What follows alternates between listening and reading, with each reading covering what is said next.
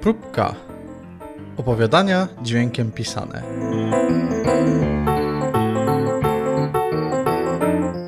Kościół Jedności Narodowej. Opowiadanie autorstwa Martina Lechowicza.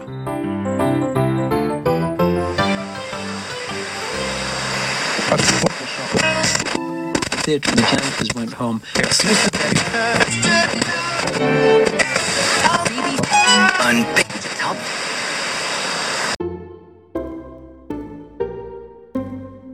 Radio Próbka.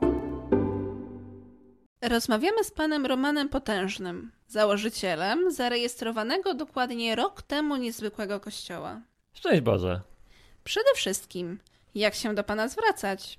Proszę księdza, pastorze, wielebny? A wszystko jedno. Może być nawet Ojcze Święty.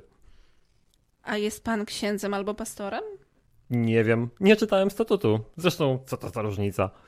No właśnie, kościół się nazywa Kościół Wiary jakiejś tam. Skąd taka nazwa? Mm, Nazwa jak nazwa. Dobra jak każda inna. A skąd pomysł na kościół? A Czy to ważne? Ludzie by się chcieli dowiedzieć. Jacy ludzie? No, wszyscy, słuchacze, Którzy konkretnie? no, nieważne, którzy. Sama pani widzi. Nieważne. Nieważne to po co mówić. A zależy panu, żeby nikt się nie dowiedział? Ani trochę. No to niech pan opowie. No dobrze, niech będzie. Zaczęło się to wszystko w październiku 2008 roku. Było jak co tydzień w kościele i nagle pamiętam, wstałem, popatrzyłem po ludziach i pierwszy raz uświadomiłem sobie w pełni coś zupełnie oczywistego. Coś, co wszyscy dobrze wiedzą, a nikt tak naprawdę nie zauważa. Co? To, że wszyscy to mają w dupie. Co mają? Boga, Kościół, życie wieczne, przykazania, zasady, niebo, piekło, wszystko, wszystko, wszystko. Równie dobrze mogliby się modlić do przenajświętszej popielniczki albo odwiecznej pietruszki, gdyby im ktoś kazał. Jest im to całkowicie obojętne. Trochę pan chyba jednak przesadza.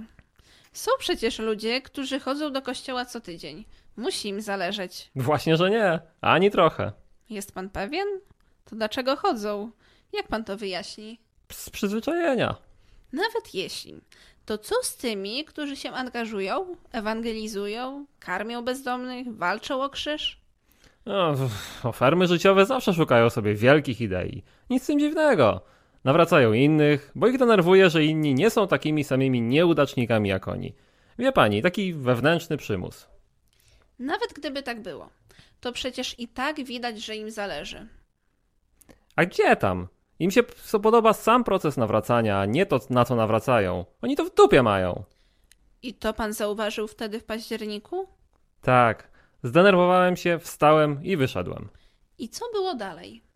Przez kolejny rok nie mogłem się z tym pogodzić. Pisałem, działałem, organizowałem, robiłem wszystko, co tylko mogłem, żeby ludzi wyrwać ze stanu obojętności. Zależało panu? Tak, byłem idiotą, Większość by powiedziała, że to raczej powód do dumy. bo większość to idioci, Ale dlaczego? Przecież to próba zmieniania świata na lepsze. która zawsze się nie udaje. A nawet jeżeli, to koszty tego wszystkiego są większe niż zysk. Pan pomimo to próbował? O tak, próbowałem. Codziennie i z pełnym przekonaniem i zaangażowaniem, aż do pewnego dnia w maju, kiedy to doznałem olśnienia.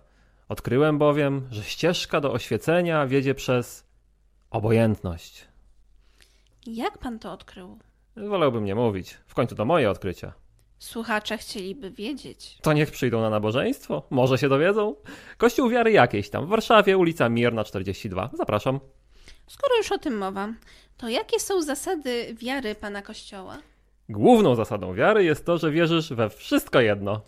Chyba wszystko jedno, w co wierzysz. Właśnie nie, to duża różnica. I stąd się biorą wszystkie problemy. Każdy, dajmy na to, zaangażowany ateista spotyka się z zaangażowanym katolikiem, to jak pani sądzi, w jaki sposób mogą się ze sobą dogadać? Nie wiem, w jaki? Otóż w sraki. Nie mogą, proszę pani. Nie dogadają się, bo im zależy. Ale nie ma problemu, jeśli obaj wierzą w to samo. Czyli w co? No na przykład w to, że wszystko jedno w co wierzą. To znaczy, że kiedy ma wierzyć w to, że wszystko jedno w co wierzy, Dokładnie. Ale jak wtedy może być katolikiem? Otóż srak! Nie może, proszę pani, bo kiedy wierzy, że w to samo, że wszystko jedno w co wierzy, to wtedy już nie jest katolikiem, ale kimś bliżej nieokreślonym, komu tu od dupy kalafiorem lata. Czyli agnostykiem. Nie. Agnostyk to ktoś, kto nie wie, jak się sprawy mają.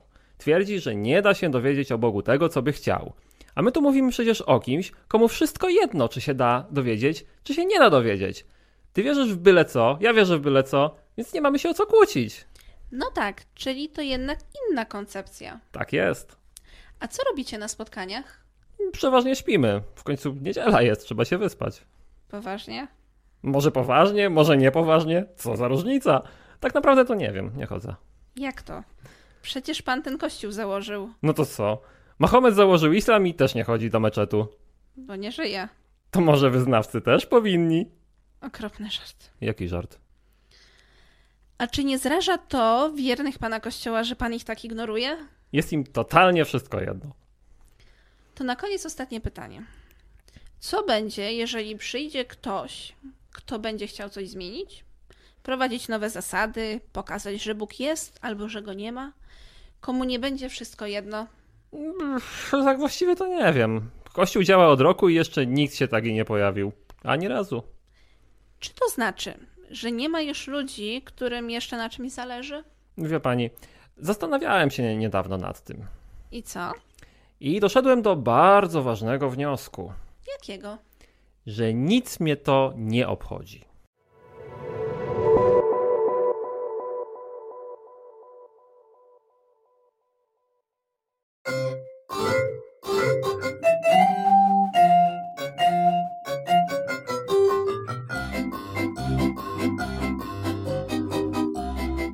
Wystąpili dziennikarka Katarzyna Król, Roman Potężny Kazimierz Król, konsultacje aktorskie oraz muzyka do czołówki i tyłówki Karolina Hordyjewicz, obrazki do serwisu próbka.eu Dominika Lechowicz, reżyseria, montaż dźwięku i zapowiedzi głosowe Artur Rutkowski.